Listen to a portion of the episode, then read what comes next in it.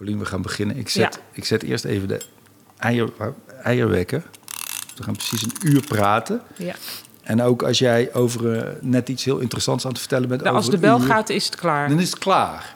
Dan dat vind ik heel bevrijdend. Ja, dus... eh, Oké. eh, er komt hier ook nog een hele vette jingle. Maar dat, is, dat wordt te laat ondergezet. Dus dat je denkt, is dit kaal? Dit wordt heel tof. Oké, Gelukkig. welkom bij aflevering 3 van eh, Ervaring voor Beginners. Ik zit hier met eh Paulien Cornelissen. Eh, zij is, ja, wat is zij wel niet allemaal? Cabaretière, schrijfster, televisiemaker, presentator. Soort van. Ja, een soort van. Ehm, en zelfs vormgever, zo zie ik jou toch ook? Ja, Ja, van eigen werk. van eigen werk. Ja, Van harte welkom. Dankjewel. Eh, ja, ik zat natuurlijk na, na te denken over jou van de week. En toen dacht ik, ja, ik... Maar misschien hoor je dit heel vaak. Ik vind jou toch een beetje de Arnold Schwarzenegger van Nederland. Ja, dat hoor ik zo vaak. nee, waarom? Omdat ik van Oostenrijkse komaf ben. Is het zo? Ja. Oh, dat wist ik niet eens. nou ja, nou komt alles nou, ik samen. ben, nee, ik ben kwart Oostenrijks. Maar, dus mijn vader is half Oostenrijks. Ah, ik vind Arnold Schwarzenegger eh, een beetje een eikel. Dat, dat Ja. is geen overeenkomst, want ik vind jou, ik vind Geen jou eikel. leuk. Maar Arnold Schwarzenegger heeft een onwaarschijnlijke carrière gehad. Het was een jongen die in Oostenrijk leefde en eh, die was zelfs een dun ventje. Hij was niet eens gespierd als Echt? kind. Hij had daar helemaal geen aanleg voor. En die, is, die wilde Mr. Olympia worden. En Ja. dat is die geworden. Dat, is, dat, dat, dat, dat vraagt heel veel toewijding. Het is een beetje een domme sport natuurlijk, bodybuilding. Ja. Maar dat, dat vraagt echt een enorme toewijding. En hij, dat, dat heeft hij vier, vijf jaar achter elkaar gewonnen. Mr. Universe. Ja. Eh, ja, en toen wilde hij acteur worden in Amerika. Ja, hij, kon, hij, kon, hij kon niet eens Engels, die man. Nee. En hij, hij praat best wel gek ook. Ja. En het, en het is hem gelukt. Hij is acteur geworden. Hij was op een gegeven moment de best betaalde acteur van Hollywood. Hij heeft ook een paar ook echt goede films gemaakt. Hij heeft Mhm. een Total Recall mij, goede science fiction films. Hij heeft zelfs comedies ge- gedaan.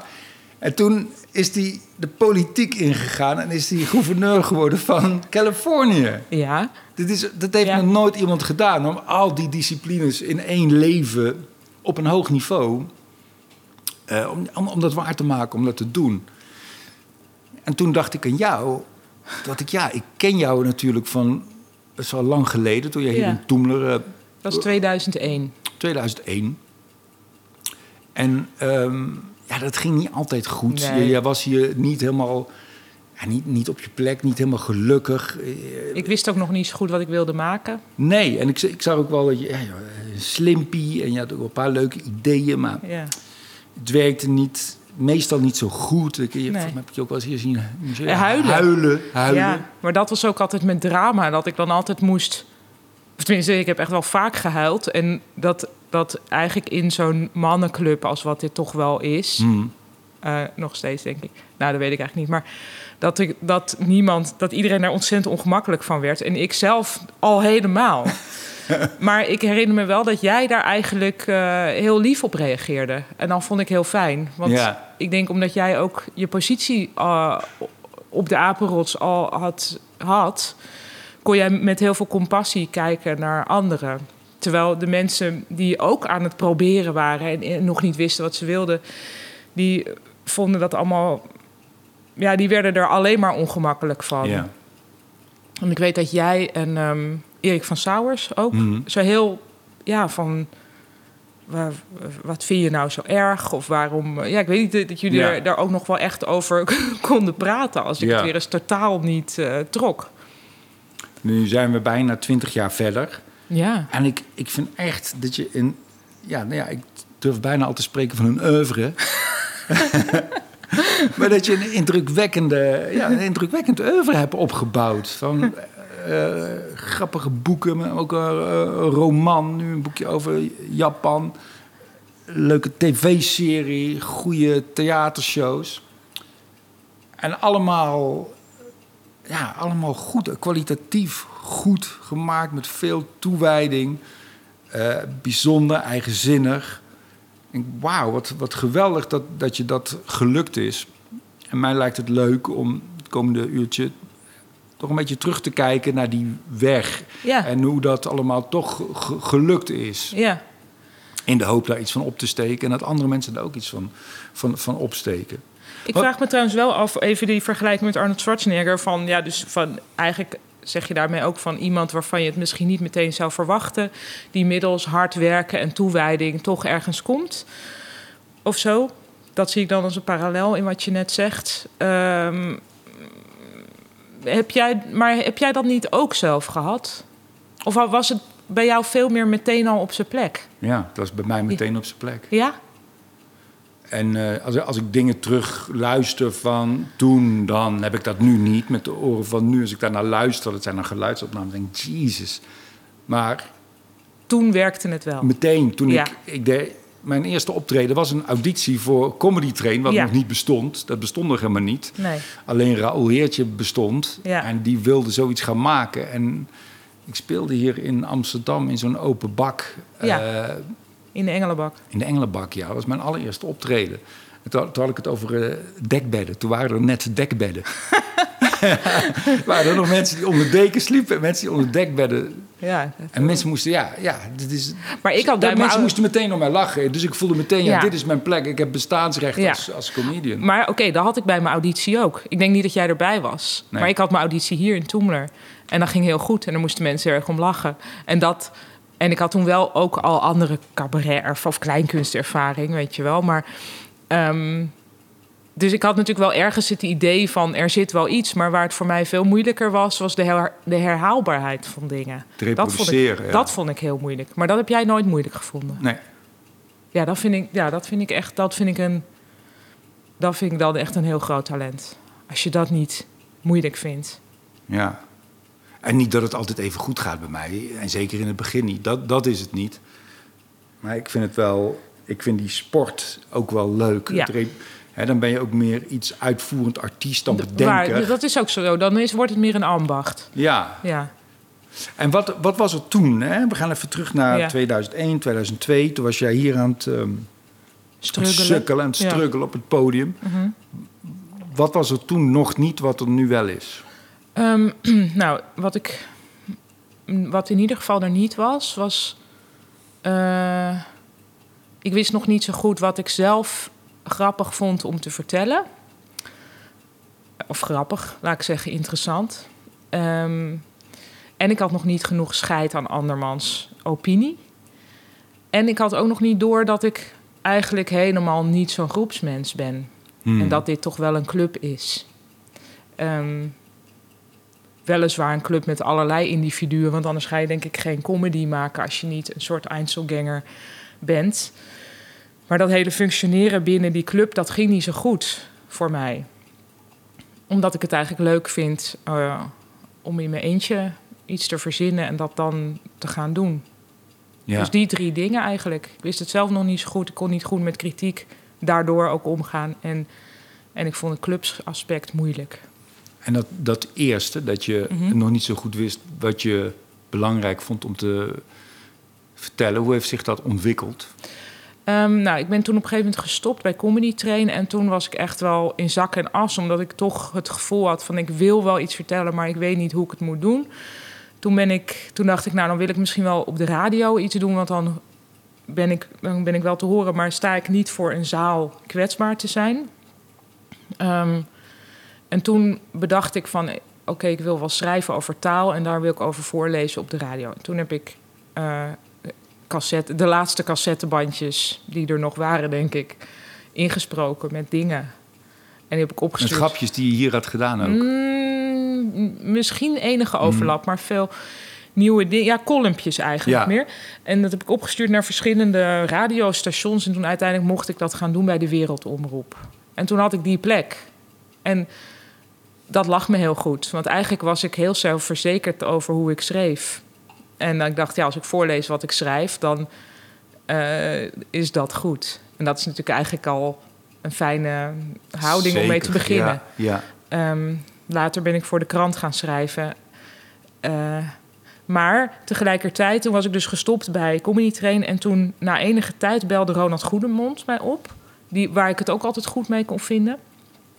Ehm, en die zei van, doe jij nog wat? Want zijn destijds, destijds zijn vriendin Anne Aafke Sol... ik weet niet of je die kent. Die... ja, daar is hij nog steeds mee. Nee, nee, hij is nu met Tiege. Oh ja, oh ja, Ja. sorry. Maar Sorry, nou dit knippen Knip we er dan maar uit. Ja. Eh, nou, die had, die had eigenlijk ook een beetje zo'n moeizame relatie met wat zij nou zelf op het podium moest doen. En zij had toen iets bedacht dat heette Vrij Spel. En dat was in een klein eh, zaaltje waar dan 25 man publiek in kon. Het was gewoon een soort, eh, eh, hoe noem je dat, een oude school.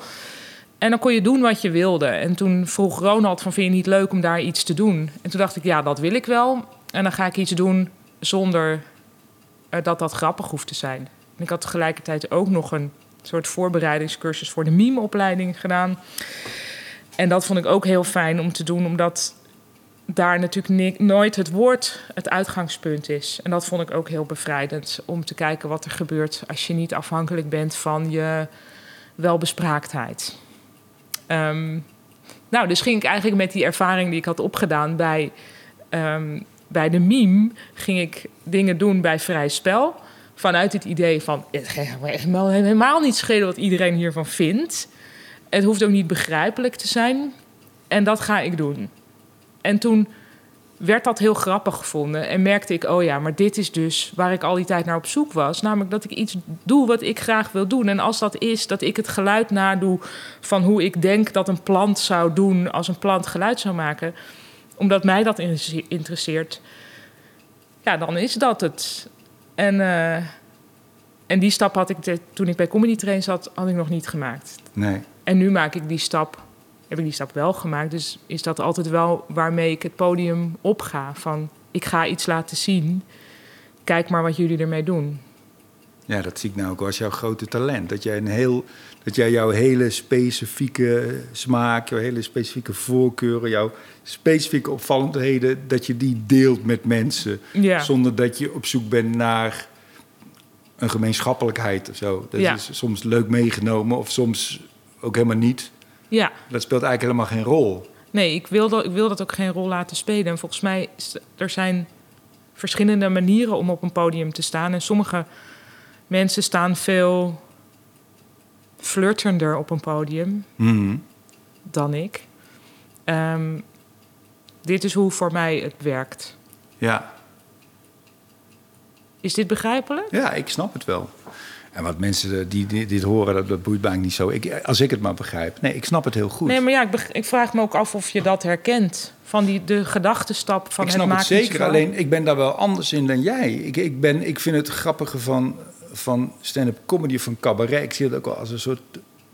Het wordt wel eens eh, de kleinkunst genoemd en dat is natuurlijk Ja. een beetje denigrerend. Maar ergens klopt het wel, Mhm. omdat het... Nou ja, toegepaste kunst zou ik eigenlijk een, een, een betere term vinden. Omdat je wel zoekt naar... in ieder geval ik en veel comedians, je zoekt wel naar verbinding. Ja, Dus die herkenbaarheid is, is, bel- Ja. is wel belangrijk. Alleen dat moet niet een voorgekoud iets zijn waarvan je denkt: oh, dat vinden mensen, dus dat ga ik schrijven. Dan werkt Nee. het niet, of dan Nee. werkt het wel, maar dan is het oninteressant. ja. Maar er is natuurlijk ook heel veel overlap tussen mensen. We lijken ook heel erg op elkaar, Ja. hoe uniek we ook allemaal graag willen zijn. We lijken, dus ja, de- als comedian is het ook wel leuk om, nou ja, om het en over die overlap te hebben tussen Ja. jou en de mensen, en over je, je, je eigenzinnigheden, die heel Ja. individueel zijn. En ik denk in de mix bij jou zit er gewoon heel veel eigenzinnigheid. ja, en minder van weet je wat we allemaal wel eens meemaken. Zo, Ja. ja. Ja, misschien wel, ja. Hoewel veel mensen dus wel zeggen wat herkenbaar. Ja, Alsnog. ja, Maar dat is geloof ik ook altijd meer een soort generiek compliment. Dat de mensen zeggen herkenbaar. Nou ja, wat ik dan leuk vind, is dat jij vaak gewoon beter gekeken hebt dan ik. Jij, jij kan een stukje maken over dat bordje bij het fietspad. Mhm. En hoe wordt voorgedaan, hoe je dat knopje moet indrukken. En ik heb Ja. dat natuurlijk ook al duizend keer gezien. Ja. En, jij hebt de- ja, en alleen als het groen wordt, ga ik fietsen. Ja, ja en dan bent- stond ik daar nog. En, en jij bent zo'n nerd die dan Ja. eh, gehypnotiseerd wordt door dat bordje en blijft kijken. Ja, het is wel neurderig, inderdaad. Zeker. Maar ik- ja, ik focus ook altijd heel erg op details. En dat, dat gaat natuurlijk soms ten koste... Kijk, jij bent meer...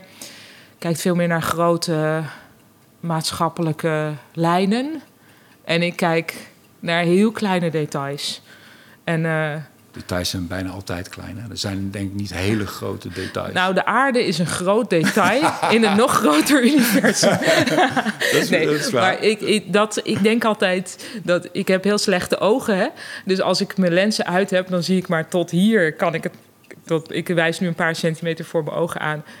Kan ik maar scherp zien. En daar, daar heeft mijn humor iets mee te maken. ja, Met klein ja en ik, heb daar vaak, ik heb daar vaak over nagedacht. Precies wat je nu stelt. Van, is een bril eigenlijk wel een goede oplossing? Ik Ja. geloof heel erg in, eh, in diversiteit. En dan Mhm. heb ik het niet over huidskleur ook, maar vooral over heel veel verschillende soorten mensen. Ja. En volgens mij ook over heel veel verschillende soorten. Hè, dat mensen die heel goed ver weg kijken en mensen die heel goed dichtbij Ja. kijken en alles wat ertussenin zit. En dan red je het met z'n allen. Zo. Dan, dan heb je zoveel mogelijk informatie eigenlijk over de wereld om je heen. En is de kans op overleven en dat we verder komen het grootst.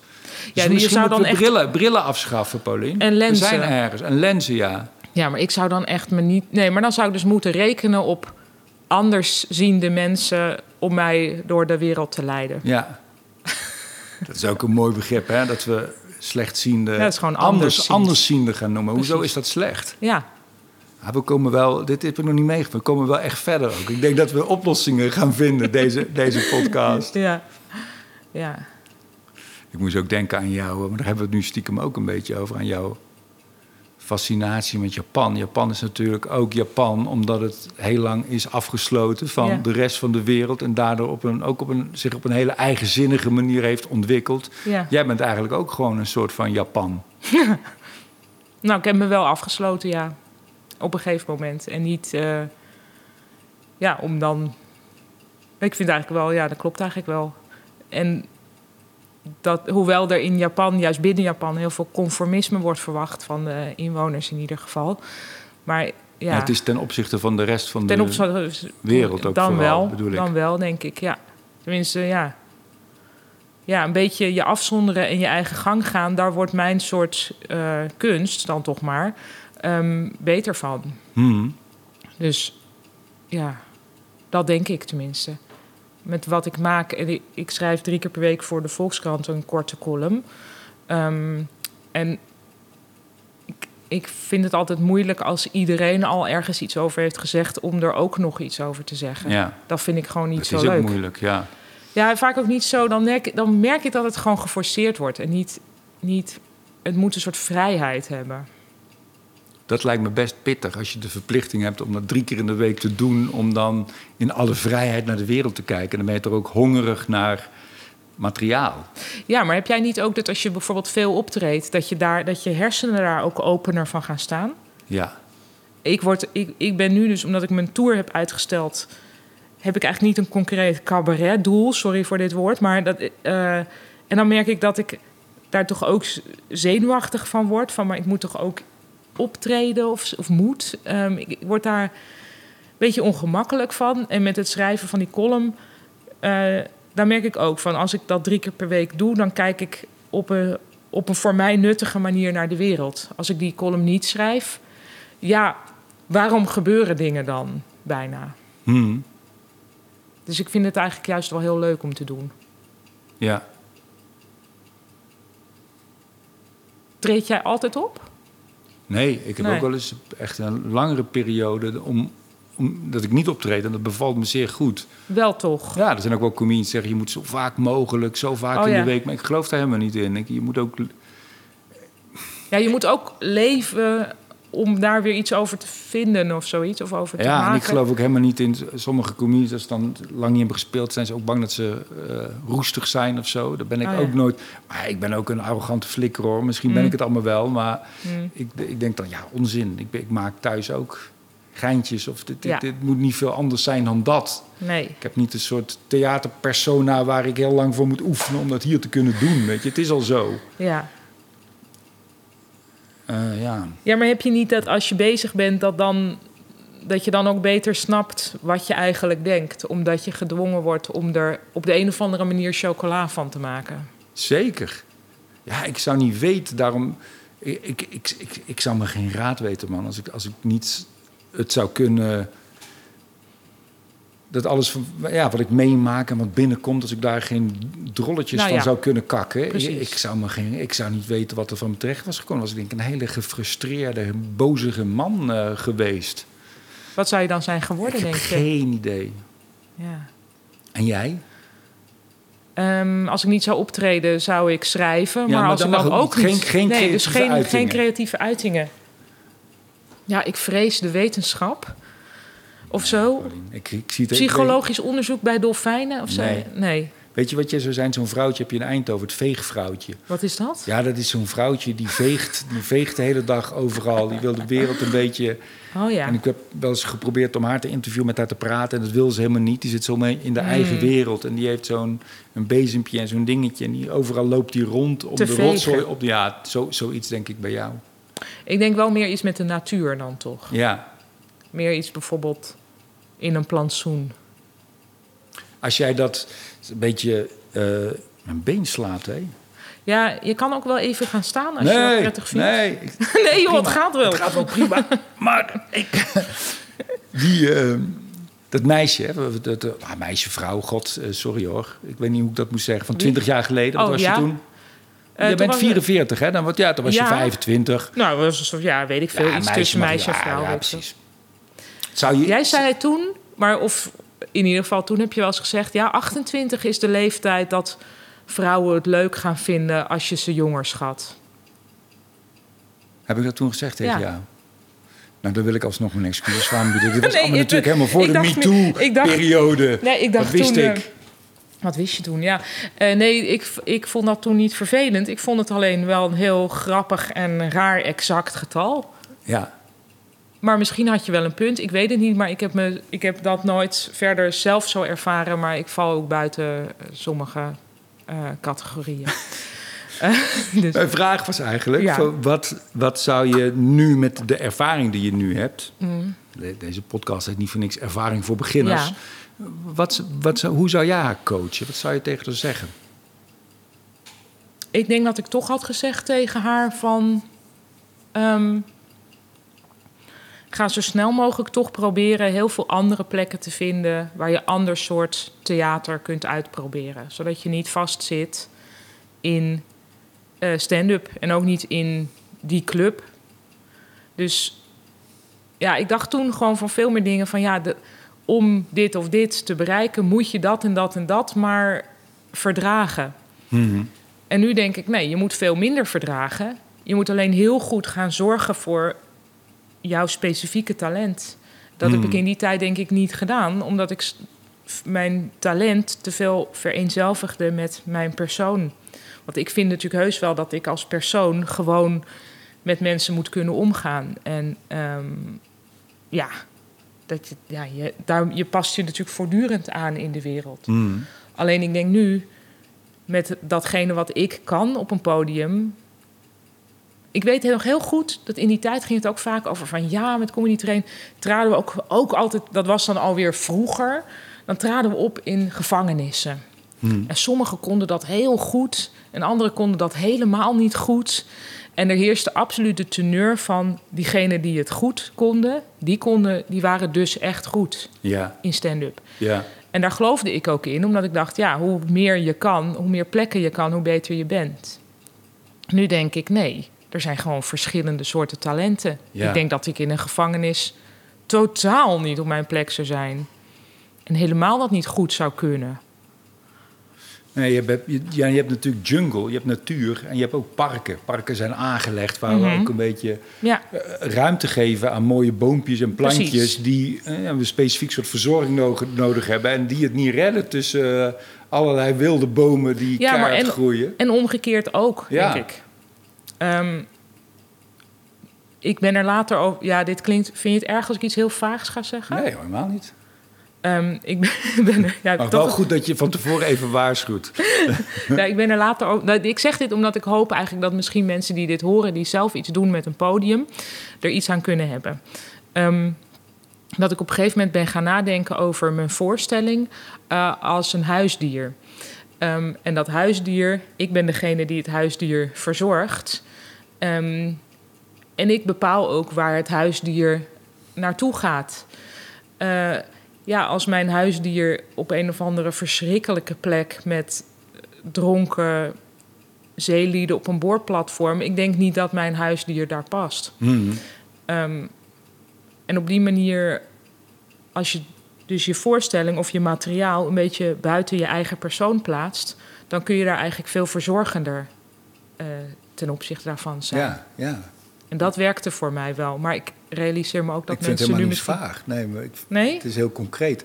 Alleen hoe weet je eh, wat voor huisdier je in huis hebt? Nou, voor mij verschilt het een beetje per voorstelling. Dus ik, ik, op een gegeven moment krijg ik wel een soort beeld van wat voor soort dier de voorstelling is. En natuurlijk ben ik nu eh, op een punt dat ik heus wel gewoon op heerlijke plekken sta waar, waar je elk huisdier wel los kunt laten. Maar ik heb een soort, soort, soort gevoel van, oh, die voorstelling is een beetje zo, die voelt zich zo.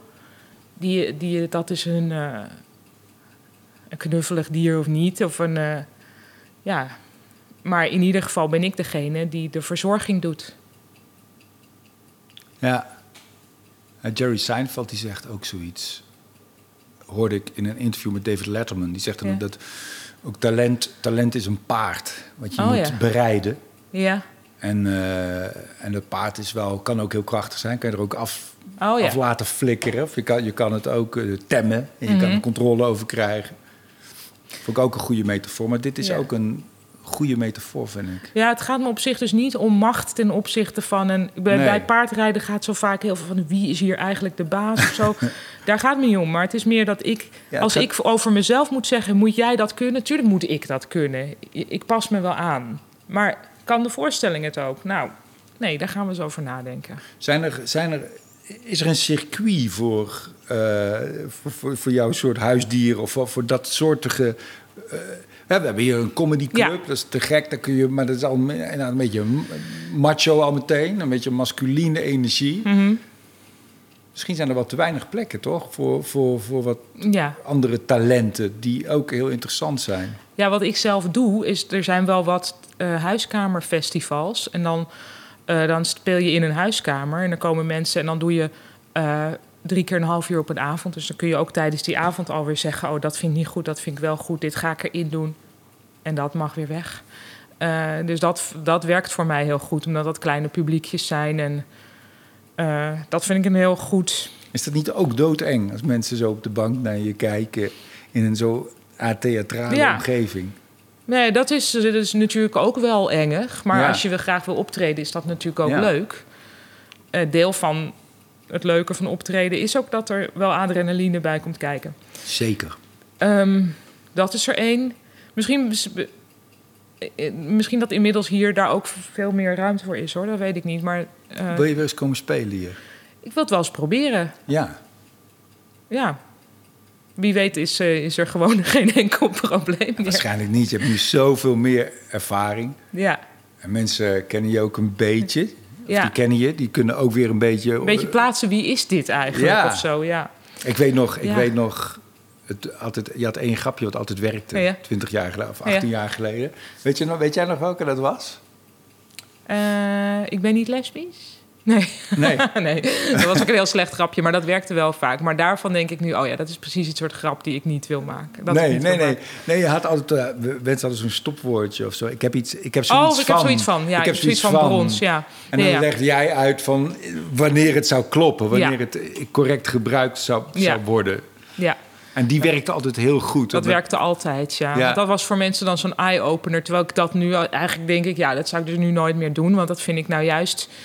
Ik vind het wel, eh, wel een leuk grapje, maar het is... ehm, ik vind... Ik, dat soort, zeg maar, taalirritatie... Die, die is niet helemaal waarachtig eigenlijk.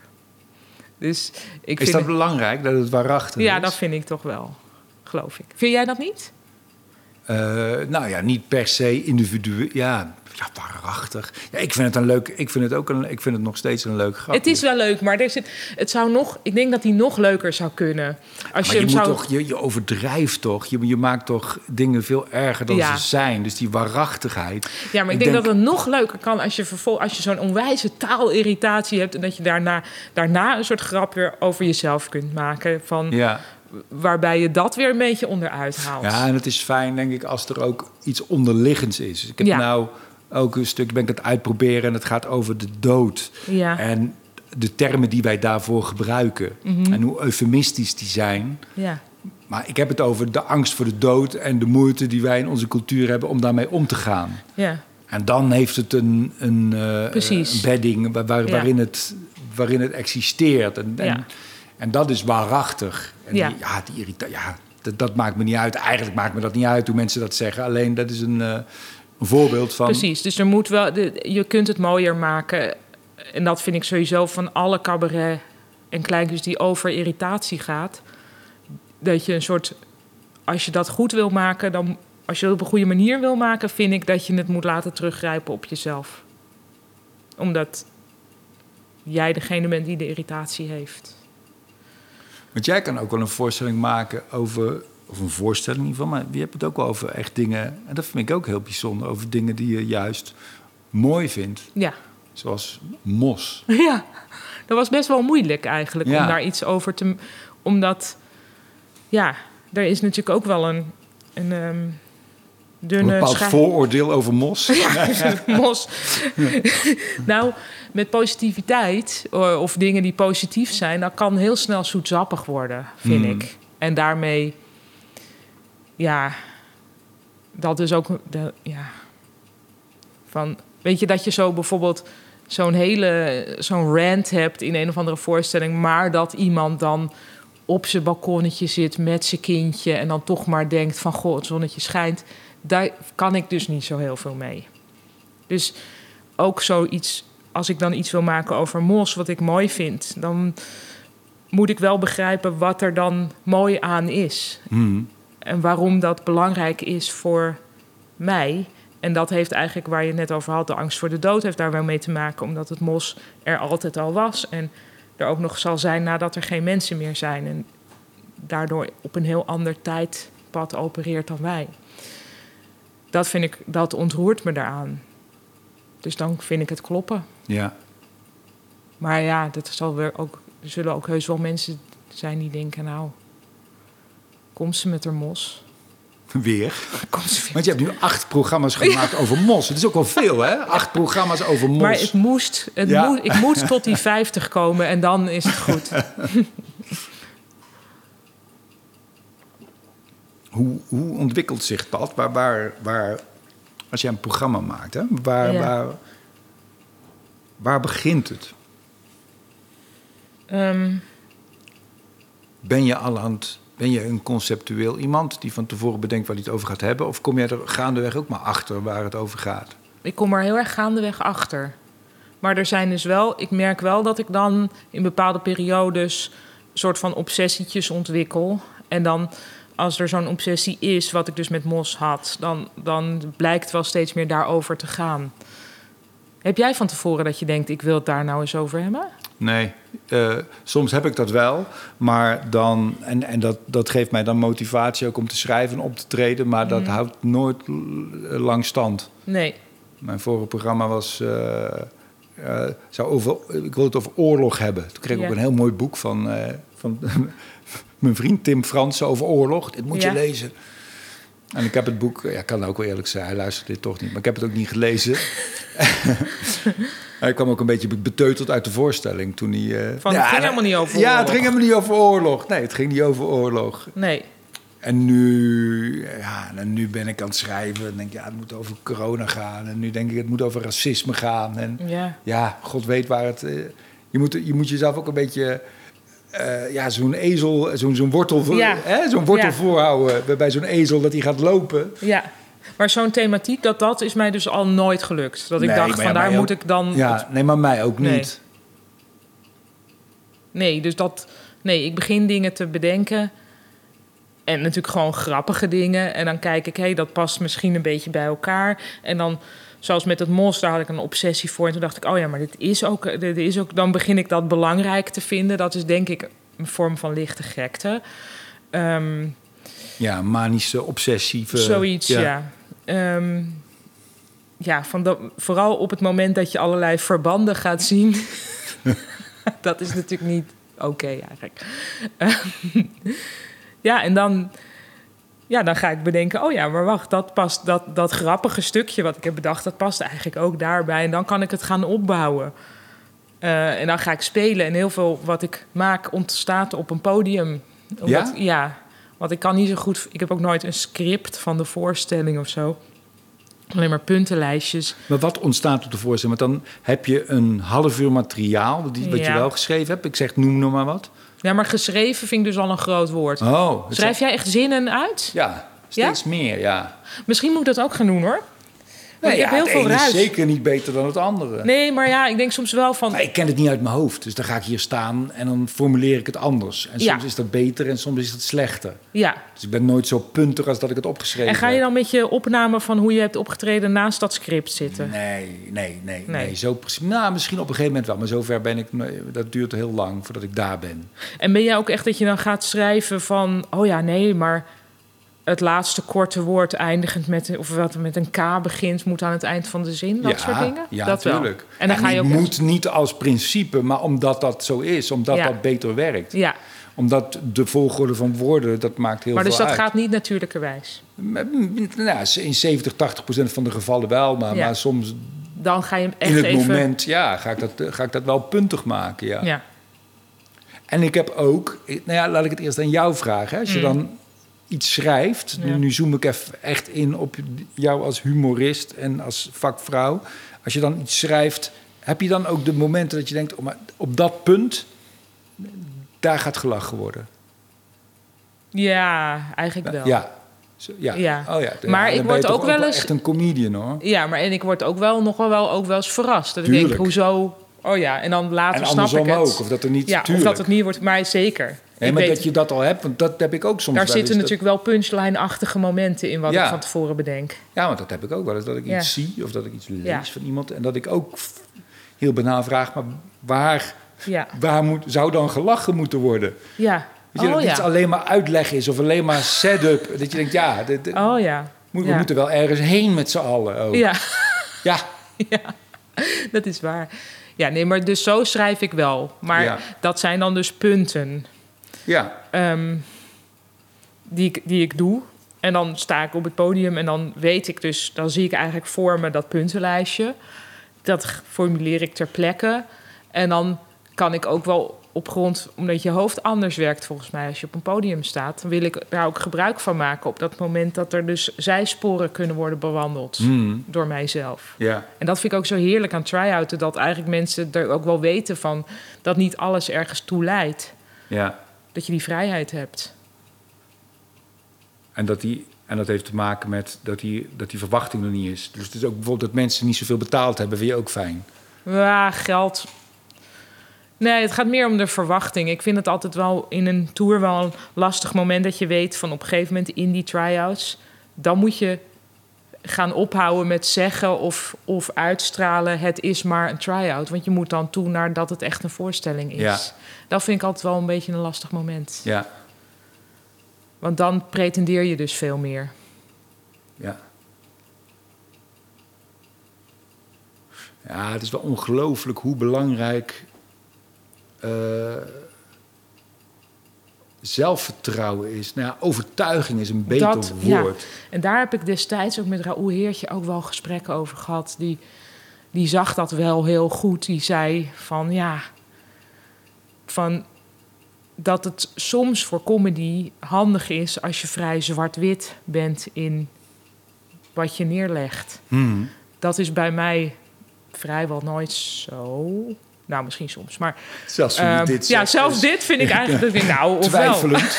Wijfelend. Nee, dus dat wijfelende, dat, eh, dat heb ik heel erg. En dat is soms dus lastig. Komt dat van wijf ook? Nee, is met korte ei, hè? Ja, maar Korte waarschijnlijk ei. etymologisch wel hoor. Dat denk ik ook. Ja, het is, dat is gewoon...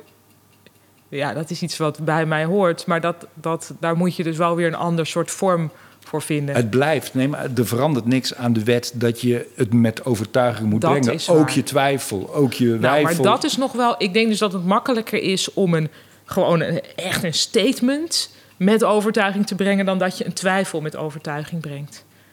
En dat vind ik Nou ja, dat is niet. Als, jij, als we inzoomen op, op, op jouw obsessie met mos, gaat het daar ook over dat je heel specifiek bent en dat je overtuigend bent. Dat is waar. En dan, waar. alleen dan gaat het over mos. En dan is het ook heel grappig dat het voor jou zo belangrijk Ja. is. En andere mensen denken, hey, kom op, het is, het is mos. Dat, dat- Ja. Daar wordt het ook heel grappig van. Nee, dat is waar. En misschien, misschien is dat ook zo dat ik veel meer overtuigingen heb gekregen in dat soort dingen. Waardoor ik daar niet meer soort van halvig. Ik bedoel, ik heb eigenlijk geen twijfel over dat Mos bestaansrecht heeft op een podium. Ja. En, en jij ook niet. En ik daarmee, dan denk ik, nee, dan kom maar. Je, ja. Overeenkomst tussen jou en mos. Nee, dat is. dit- ja. Ja. ja. Nou, ik vind dat Mos. Ja. Mos heeft veel meer ervaring dan ik natuurlijk. Maar, Ik heb een, dat is een raar ding bij mij, dat ik bij bomen denk ik dat altijd. Als een, Mm. Ik vind bomen heel mooi. Ik, Ja. ik weet er niets van. Ik weet van geen enkele boom of het een beuk of een eik is, Mhm. maar ik heb heel veel bewondering en respect voor bomen. Ja. En ik kan, ik, dat is heel naar, maar ik vraag me ook altijd af hoeveel een boom waard is. Niet in geld, maar ten opzichte van een mens. Ja. Ik ben toevallig, ja, dit is heel, eigenlijk gek, maar heel, best wel bezig met bomen de laatste tijd. Ja, Ik heb nu ook een aantal, eh, ben nu een aantal eikenboompjes aan het op laten groeien, omdat die zich hadden gepresenteerd in mijn plantenbak. Ehm, en dat vind ik dan ook vanwege die andere tijdschaal zo interessant. Hè? Dat je weet van als het mij lukt om deze eikenboom een leven te geven, dan zal ik nooit onder die eikenboom zitten. Ehm, omdat die gewoon ouder gaat worden ja. dan ik. Dat geldt En, hopelijk eh, voor je kind ook. Zeker, Ja. ja. Oh my god, ja. Maar dat soort... En daar, precies met die bomen denk ik nu van... oh ja, wordt dit nu... want ik voel een soort obsessie opkomen, weet je wel. En eh, daar kan ik niet zo goed dan mee omgaan. Dan vind je dit schitterend. Ken je Maarten Baas, de vormgever? Hij heeft die kleistoelen gemaakt. Ja, En hij is nou een stoel aan het maken, maar Ja. dat duurt ook 50 jaar. En die gaat hij zelf niet meemaken. Maar hij Ja. laat een boom groeien in de vorm van een stoel. oh my god, ja. Ja, Dus die stoel die kun je kopen, maar die is pas over, over 50 jaar of zo Ja. is die stoel af en klaar. ja en hoe vindt die boom dat? Ja, daar wordt weer eens niet naar gevraagd. Nou, dat vind ik ook altijd wel een Ja. punt. Maar Ja, dit is een duidelijk zijpad. Ja. Dat is helemaal Ja. prima. Maar het is wel... Want ik probeer ook hè, dit, in dit gesprek om in de hoop daar iets van te leren... en dat andere mensen er iets aan hebben. En ik, zo helder is dat nog niet geformuleerd... hoe, belangrijk overtuiging is. Mhm. En ik denk zelfs dat, je, dat het helemaal niet erg is... Ook om, om ook in het begin van je carrière... die overtuiging, die mag volgens mij ook best gefaked worden. ja, maar dat kan ik dus niet. Volgens mij. Ja, misschien, maar misschien was dat toen ook een, een zijn Ja. andere mensen en misschien ook wel mannen daar iets Oh, dat denk beter ik wel. in Dat denk ik wel, om ja. overtuiging te faken. Ja, want dat moet je denk ik inderdaad Je doen. moet het doen. Maar ik heb, nog, ik, heb het nog, ik heb het op echt nog veel momenten... want pas in 2007 stond ik dan in de finale van het Leids Cabaret Festival. Toen had ik dus wel de overtuiging om te brengen wat ik bracht. Nou, toen was er dus één impresariaat dat wilde mij hebben. Wel in principe, maar dat was Marieke van Dam... en die werkte bij eh, Pim Wallis de Vries. En ik moest dus eigenlijk de grote baas overtuigen, namelijk Pim, van ja, dat ik dit kon. Maar ik zei, ja, weet ik veel. Ja. Als ik dan een voorstelling maak, of dat dan goed wordt, ja, weet ik niet. Ik, ja, ik moet het, dat heb ik dus nog nooit gedaan. En hij, hij vond dat, hij sprak me daar ook echt op aan. Van ja, dat is heel moeilijk om dan. Hij zei, ja, ik zeg meestal eigenlijk altijd bij twijfel niet inhalen. Ja, En, maar ik kon dat, eh, nou ja, dat is dus aan Marieke te danken dat ik daar wel terecht ben gekomen. Want ik kon dus niks aan overtuigingskracht. ja, het siert je als mens, maar als artiest is, Is het, dat- is het niet goed. Nee, dat is niet handig. Ik, zeg, ik zeg het vaker ook tegen, te- je hebt ook een paar van die comedians, weet je, van die le- leuke, slimme, bescheiden jongens. Ja, Ja. dat is allemaal mooi. Bescheidenheid een hartstikke leuke eigenschap in het echt, maar op het podium heb je er alleen maar last van. Ja. Je moet het Maar gek genoeg had ik het op het podium al achter me gelaten. Ja. Maar was het dus ook in het dan overtuiging van of ik daar uber, of ik dan echt een voorstelling kon maken? Ja, eh, nou eerst maar eens zien. Je wil ook niet dat het publiek zich de vraag stelt Nee. van... kan die persoon het eigenlijk wel? Nee. En zorgen gaat maken of het gaat lukken. Of... nee, want eigenlijk dat soort bescheidenheid is ook een, wel ook weer een vorm van ego, toch? Nou ja, nee, het is heel vanzelfsprekend. Het is een heel onnatuurlijk om op een podium te gaan Ja. staan en de afspraak te hebben: jullie houden allemaal je bek. Ik ga nu eh, anderhalf uur praten. Ja. Dat is heel gek. Het is Dat ook is gek, ja. een van de grootste angsten van de mensen om, om te spreken in het openbaar. Ja, Dus je, je, moet daar, je, moet daar, je moet daar misschien wel iets forceren om dat te doen. ja, En anders duurt het heel lang voordat je bent waar je wil zijn. ja. Nou, het heeft bij mij ook lang geduurd. Ja. Maar ik denk nu ook inderdaad van, nou, we gaan niet, ik ga niet die mensen opzadelen met het gevoel van, wil zij hier wel zijn? Want ik wil hier zijn. ja. Maar ja, dat, is niet, dat komt niet vanzelf dus. Ja, je moet een auto heeft een choke, hè? Als het, eh, of ik weet niet of dat nog bestaat, een choke. Vroeger hadden ouders zo'n choke. Ik weet, en dan ja, dat geef je een extra stoot benzine. Ja, En dat, dat is het eigenlijk volgens mij soms wat nodig Ja, is. Om, het, om de boel aan te zwengen. En, en maar ik denk dat kun je wel zeggen tegen jongere comedians... of be- beginnende, bescheiden, leuke types. Maar het lijkt bijna iets waar je zelf dan waar je achter moet komen. dat is helemaal waar. Dat klopt. Maar misschien dat sommige van die jongens of gesprek meisjes... dus helemaal geen zin. Zeg jij nou, eigenlijk. misschien, nee, maar misschien dat ze toch dan later denken...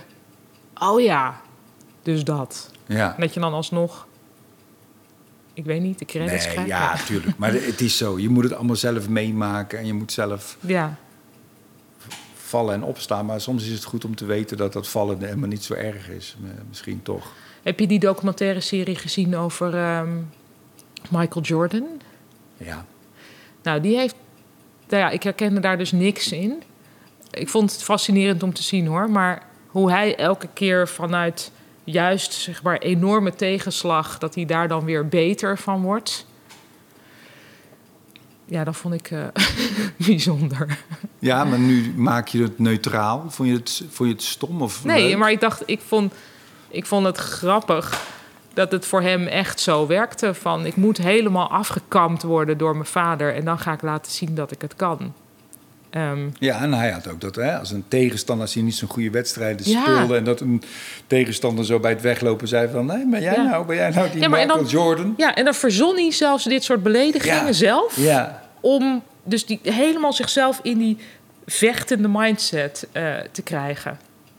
ja. Ja, ik herkende er gewoon weinig in. Maar ik vond het fascinerend om te zien. Ja, toch, ja, toch herken ik wel iets van jou in... In Michael Jordan. Nou ja, wel, zoals jij de, de, de, de Michael, de, de, de Arnold Schwarzenegger van Nederland bent... ben je toch ook een beetje de Michael Jordan. Michael Jordan, dat vond ik ook fascinerend. Hij was helemaal niet zo heel goed. Nee. Hij was ook Nee. toen, toen ze die eh, van de universiteiten Ja. die pik eh, gingen doen, Ja. was hij de derde of vierde. Er waren allemaal andere spelers die ze, waar, waar de voorkeur naar uitging. Ja, En hij werd de, de, de beste basketballer ooit. Ja. Ja. Nou, een doorzetter, ja. Jezus. Wat ben jij nuchter als het gaat om Michael Jordan. nee, nee, nee. Ik vond het echt heel tof om te zien. Maar dat je, dat je verplicht alles als een gevecht moet zien... dat, eh, dat lijkt me ook wel moeilijk. Ik denk dat het ook niet kan. Dat het bij sport kan werken en in de Ja, kunsten kunst denk niet. ik niet. Nou, er zijn mensen die hun publiek... Als, die dat wel zien als een gevecht, hè? Van wie gaat er winnen? Dat heb ik ook wel eens gehoord. Ja? Maar daar kan ik niks mee. Maar zijn dat dan goede, zijn dat ook goede Niet- cabaretiers of goede per se, acteurs? Niet per se, denk ik. Dat denk ik ook niet. Want hoe zie jij, zie jij het publiek als... Wat voor... Hoe, Ja, zeker niet als vijand of niet Nee. als monster. Wat je inderdaad die. en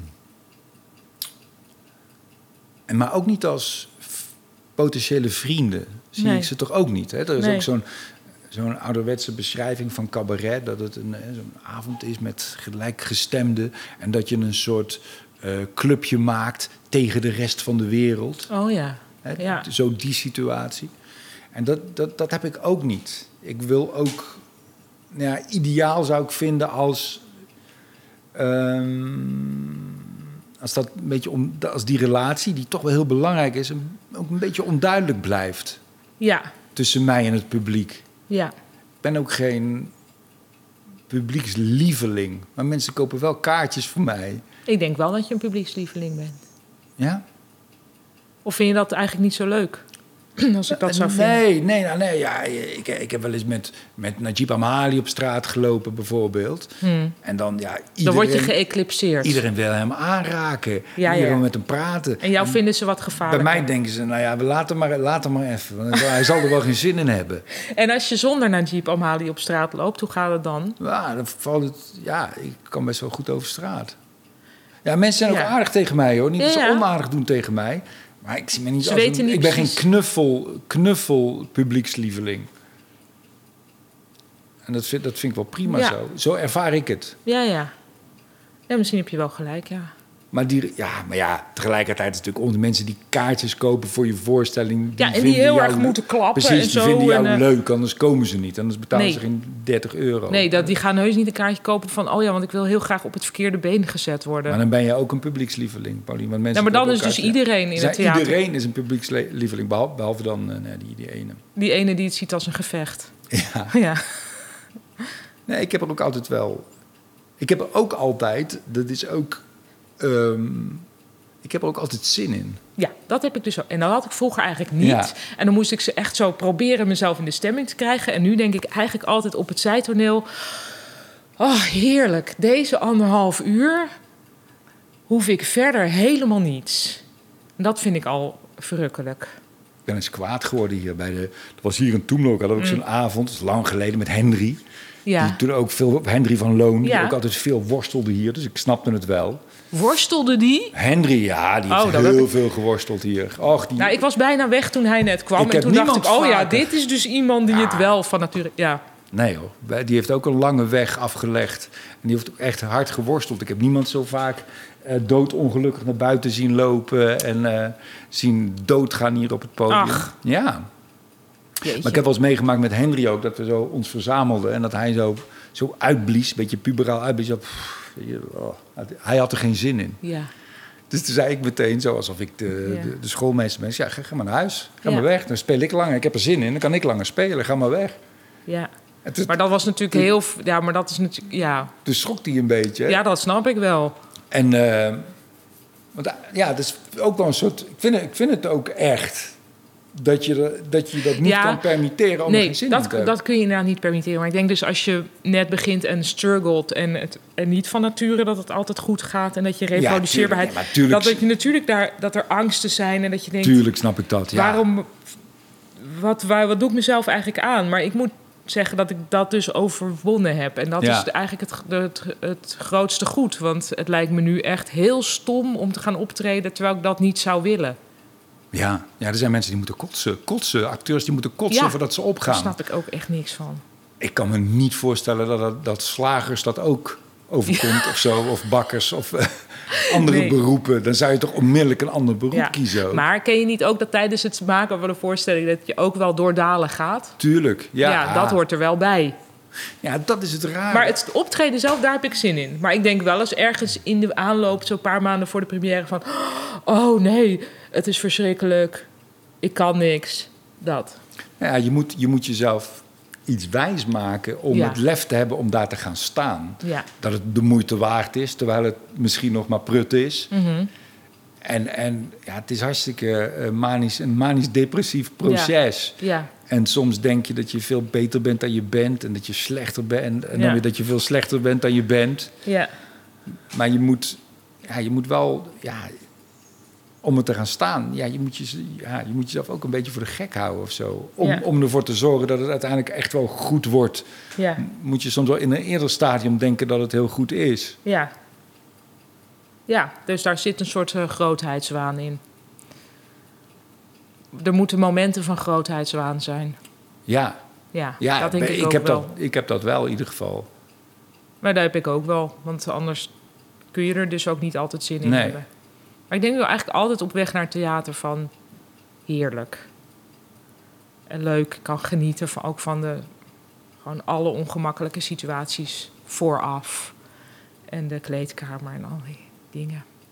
En zoals jij, eh, ja, ik beschreef dat net met hoe je dan bij het stoplicht staat. Hè? Ik, Mm. heb, ik zie me dat dan zo voor me dat je, dat je toch in een soort van eh, ja, zen-toestand bent, waarin je heel erg in het hier en nu bent. en dat ervaart en ziet, waardoor je daar iets mee kan. Heb je dat op het podium zelf ook, die staat van zijn? Ehm, nou, op de goede momenten dus wel. Dat ik me heel ja, eh, rustig voel van binnen en energiek van buiten. Hmm. Ehm, dat het zo voelt, een beetje alsof je. Ja, alsof je zo met zo'n lekker gevoel een bal tegen een muur aan het gooien bent. Hmm. En dat dat zo terugstuitert, dat gevoel een beetje. Eh, En, en kun je dan ook, gebeurt het dan ook dat je op het podium zelf materiaal genereert? Dat je Ja. daar dingen maakt? ja, in die try-out dus wel. Maar dan, dat gebeurt eigenlijk niet echt meer als ik dan in première ben Nee. gegaan. Dan kan ik mezelf wel de opdracht geven dingen anders te doen. Maar ja, ik genereer wel dingen op het podium, ja. Doe jij dat niet? Ja, veel te weinig. Ik zou dat graag meer willen doen. Ja. Want ik, ik heb dan dingen bedacht Mhm. in try-outs of, of hier in Toemelen... die ik dan wil gaan doen. ja.